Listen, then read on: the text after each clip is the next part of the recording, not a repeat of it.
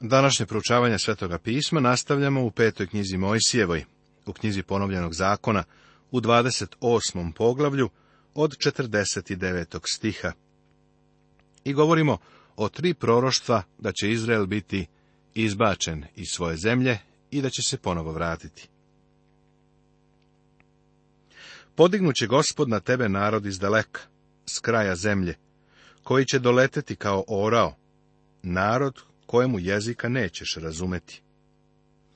Rim, koji je došao skroz sa zapada, govorio je sasvim drugačijim jezikom. Engleski jezik se zasniva na latinskom i na evropskim jezicima, ali jevrejski jezik je povezan sa azijskim, afričkim i istočnjačkim jezicima. Potpuno su različiti.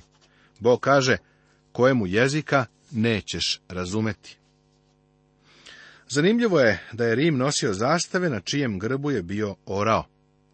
Mišljenja sam da bi neki učeni Izraelac, kada bi pogledao preko utvrđenja sa oružjem na zidu i video zastave rimskog generala Tita sa orlom, rekao, to je to. Narod bezdušan, koji neće mariti za starca, niti će deteta žaliti. I izešće plod stoke tvoje, i plod zemlje tvoje, dokle se ne istrebiš, i neće ti ostaviti ništa, ni žita, ni vina, ni ulja, ni ploda goveda tvojih, ni stada ovaca tvojih, dokle te ne zatre. I će te po svim mestima tvojim, dokle ne popadaju zidovi tvoji visoki i tvrdi, u koje se uzdaš, po svoj zemlji tvojoj. Stegnut te po svim mestima tvojim, po svoj zemlji tvojoj, koju ti dade gospod Bog tvoj te ćeš u teskobi i nevolji kojom će ti pritužiti neprijatelji tvoji, jesti plod utrobe svoje, mesa od sinova svojih i od kćeri svojih, koje ti da gospod Bog tvoj. Josif Flavije u svojoj istoriji govori kako su majke bile primorane da daju decu i da su jele njihovo meso. Narod je pomro, a njihovi leševi su sakupljeni u gradu. Morali su da ih pobacaju preko zida. Smem da kažem da se i ovo proroštvo doslovno ispunilo. A sada je eto jevrejski narod razasut širom sveta.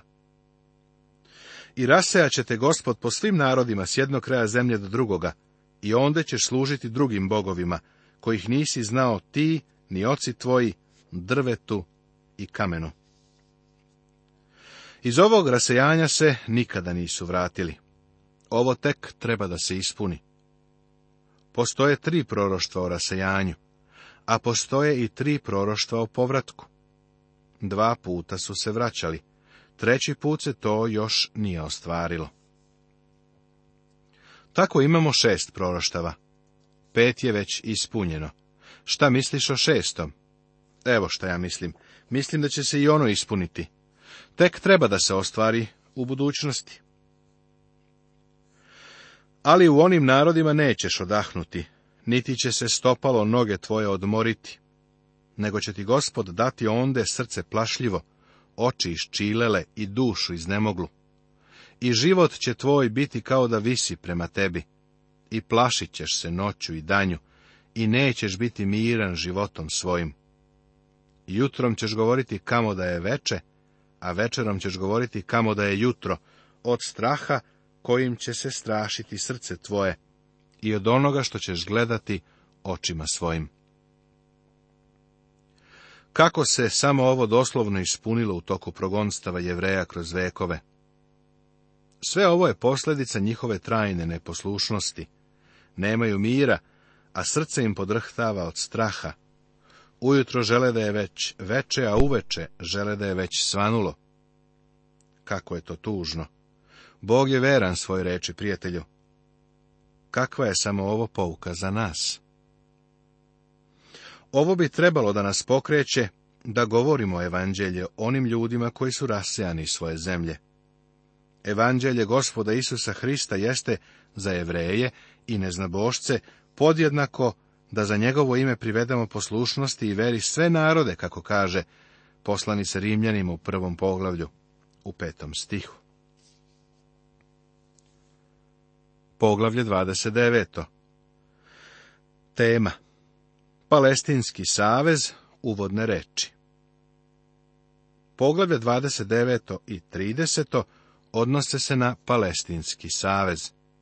Dr. Louis Perry Čefer je smatrao da su poglavlja od 28. do 30. poglavlja o savezu. Na osnovu Skofilskog svetog pisma smatra se da je deo od 29 do 10. stiha 30. poglavlja Palestinski savez, a da je poglavlje 29. uvod. U mojim zapažanjima držim da je savez ono što je zabeleženo u 29. poglavlju, kao i prvih deset stihova 30. poglavlja. Iako je savez u užem smislu sadržan u prvih deset stihova 30. poglavlja.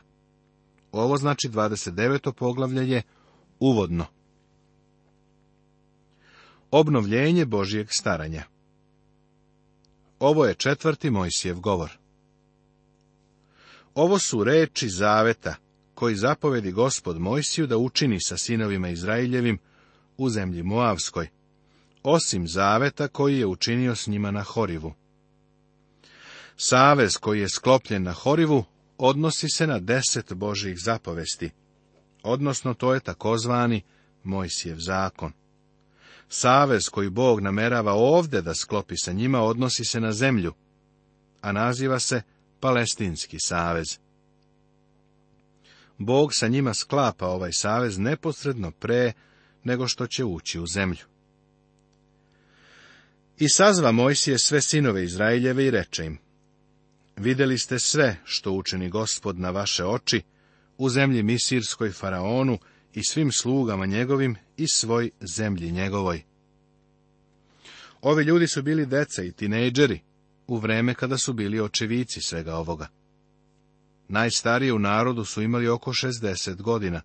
Nakon celog tumaranja po pustinji, koje je usledilo posle greške koju su učinili kod Kadisvarnije. Od prethodne generacije ostali su samo Halev i Isus Navin kušanja velika, koja videše oči tvoje, one znake i čudesa velika. Ali vam ne dade gospod srca da razumete, ni očiju da vidite, ni ušiju da čujete do ovoga dana. Uprkos tome što su sve ovo vidjeli, i dalje nisu shvatali. Isaija je veoma mnogo o tome govorio. U poslanici Rimljanima apostol Pavle govori o slepoći Izraela. Kao što je napisano, Bog im je dao tvrdoglavi duh, oči da ne vide i uši da ne čuju do današnjeg dana, kaže osmi stih 11. poglavlja poslanice Rimljanima. Da li to znači da im Bog nije dozvoljavao da razumeju, da im je to onemogućio, odnosno da ih je udaljio od te mogućnosti? Ne. To samo znači da su se oni već bili udaljili. Bog nam pruža mogućnosti. To i danas treba da shvatimo. Sve dok Bog ne otvori oči i uši ljudi i žena, oni ne čuju evanđelje. Nemoj me pogrešno shvatiti, oni čuju reči, ali ne čuju pravi smisao evanđelja, niti ga razumeju. Novinar koji piše članke za jedan časopis, naš petogodišnji program kroz sveto pismo je klasifikovao kao religioznu ucenu. Izgleda da je mislio da ako nastojiš da poučavaš sveto pismo, da si onda religiozni ucenjivač, možda reketaš. Voleo bih da je taj čovjek slušao naš program, da je shvatio šta se trudimo da postignemo. Ipak, nekako sam uznemiren pri pomisli da je slušao programa da nije uspeo da razume.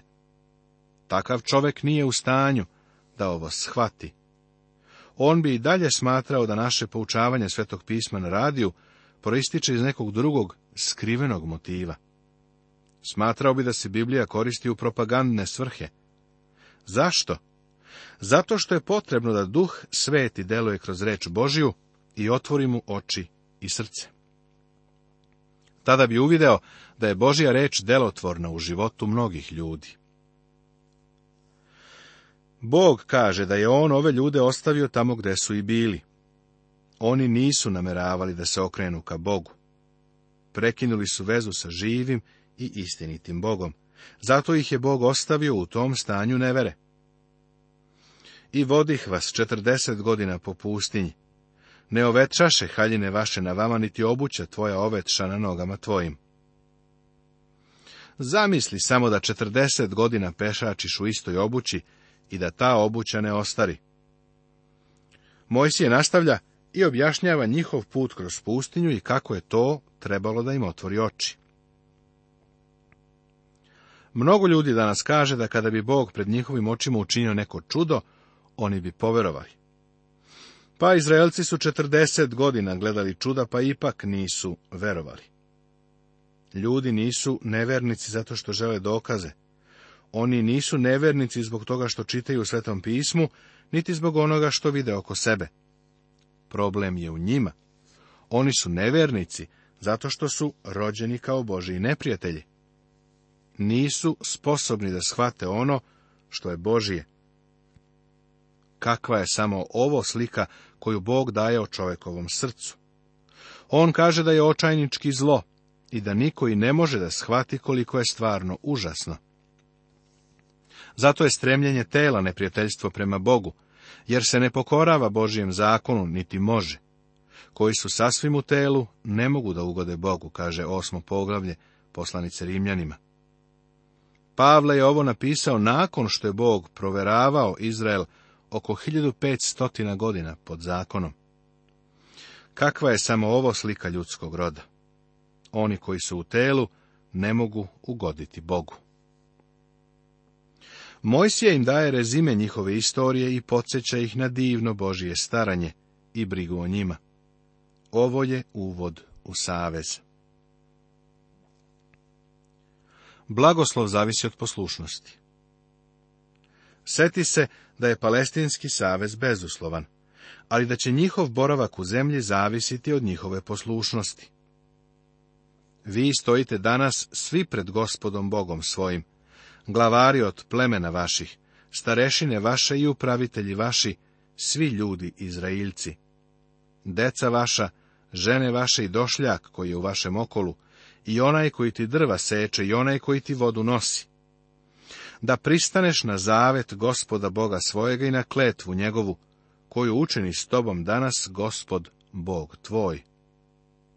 Da te danas postavi sebi za narod i da ti on bude Bog, kao što ti je rekao i kao što se zakleo ocima tvojim Avramu, Isaku i Jakovu. Posljedice neposlušnosti Dok čitamo Mojsijevo upozorenje da će neposlušnost Savezu uticati i na ljude i na zemlju, ono nam liči na predviđanje ili proroštvo, jer Izrael jeste zanemario i izneverio Savez. Tada će govoriti potonji naraštaj. Sinovi vaši koji nastanu iza vas i došljak koji dođe iz daleke zemlje, kad vide zla u zemlji ovoj i bolesti, koje će gospod pustiti na nju, zemlju ovu opaljenu sumporom i solju, gde se ne sije, niti što niči, niti na njoj raste kaka biljka, kao gde je propao Sodom i Gomor, Adama i Sevojim, koje zatr gospodu gnevu svojemu i u jarosti svojoj govorit će svi narodi, zašto učini ovo gospod od ove zemlje? Kakva je to žestina velikoga gneva? I odgovarat će se, jer odustaviše zavet gospoda, Boga otaca svojih, koji učini s njima kad ih izvede iz zemlje Misirske. Jer idoše i služiše drugim bogovima i poklanjaše im se, bogovima kojih ne znaše i koji im ništa ne dadoše. Zato se gospod razgnevi na tu zemlju i pusti na nju sva prokletstva zapisana u ovoj knjizi. Pre mnogo godina slušao sam kako je pokojni dr. George Gill govorio o jednom svom putovanju vozom. Išao je kroz Malu Aziju u Palestinu. U kasno popodne odlazili su iz Jerusalima i spuštali se u oblast Mrtvog mora. On je stajao u hodniku između dva vagona sa jednim bogatim Amerikancem. Amerikanac je rekao, uvek sam slušao o tome da je ovo zemlja u kojoj teku med i mleko. Zašto? Kada nikada nisam video zemlju koja je ovako loša, nikada ništa slično nisam ovome video. Doktor Đil je uzvratio, baš je zanimljivo što to kažete.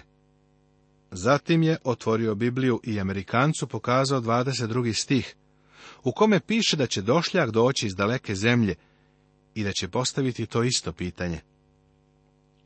Zašto učini ovo gospod od ove zemlje? Kakva je to žestina velikog gneva? Doktor Džil mu je naveo pravi razlog, kojim je Mojsije rekao pre 3500 godina. Jer odustaviše zavet gospoda Boga otaca svojih. Zemlje i narod idu zajedno. U stvari, ceo Mojsijev sistem je povezan za tu zemlju. Nije se odnosio na narod, nego i na zemlju. Važno je to uvidjeti.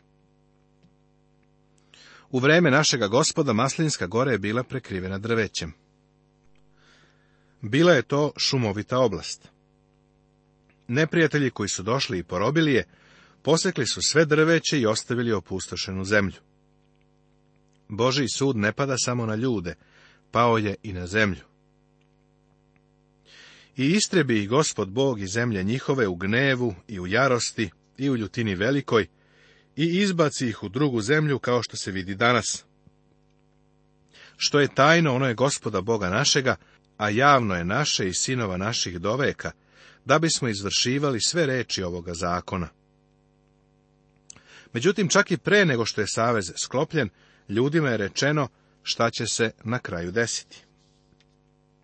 Prijatelju, Bog nam mnogo šta nije rekao, ali neke stvari nam je rekao, a o toj zemlji nam je svakako govorio. Ona sada tamo leži opustošena, dok narod pokušava da joj obezbedi vodu. Vlasti iz oblasti poljoprivrede su rekle da kada bi se zemlja oživela vodom, mogla bi da hrani od 15 do 25 miliona ljudi. Proputovao sam tom zemljom od Jerihona do Jerusalima, uzduži popreko nekoliko puta. Svako ko tamo putuje primoran je da pita, kakva je to žestina velikoga gneva? Izrael je isteran iz zemlje, jer je Bog rekao, ulaziš u tu zemlju i živećeš u njoj pod jednim uslovom. Oni taj uslov nisu ispunili, nisu poslušali Boga. Da li ovo znači da pošto Izrael nije uspeo da održi savez, da neće ponovo doći u svoju zemlju? Ne. Bog je sa ovim ljudima sklopio palestinski savez koji je bezuslovan. To ćemo vidjeti u sljedećem poglavlju. Poglavlje 30. Tema Palestinski savez. Sada dolazimo do Palestinskog saveza, koji je Bog sklopio sa Izraelom. Pažljivo ga pročitaj. Primetit ćeš da u ovom savezu nema uslova ako. Ovo je bezuslovno obećanje budućeg blagoslova. A kad dođe na tebe sve ovo, blagoslovi kletva koju iznesoh predate, ako ih se opomeneš u srcu svom, gde bi god bio među narodima, u koje te zagna gospod Bog tvoj i obratiš se ka gospodu Bogu svojemu i poslušaš glas njegovu svemu što ti ja zapovedam danas.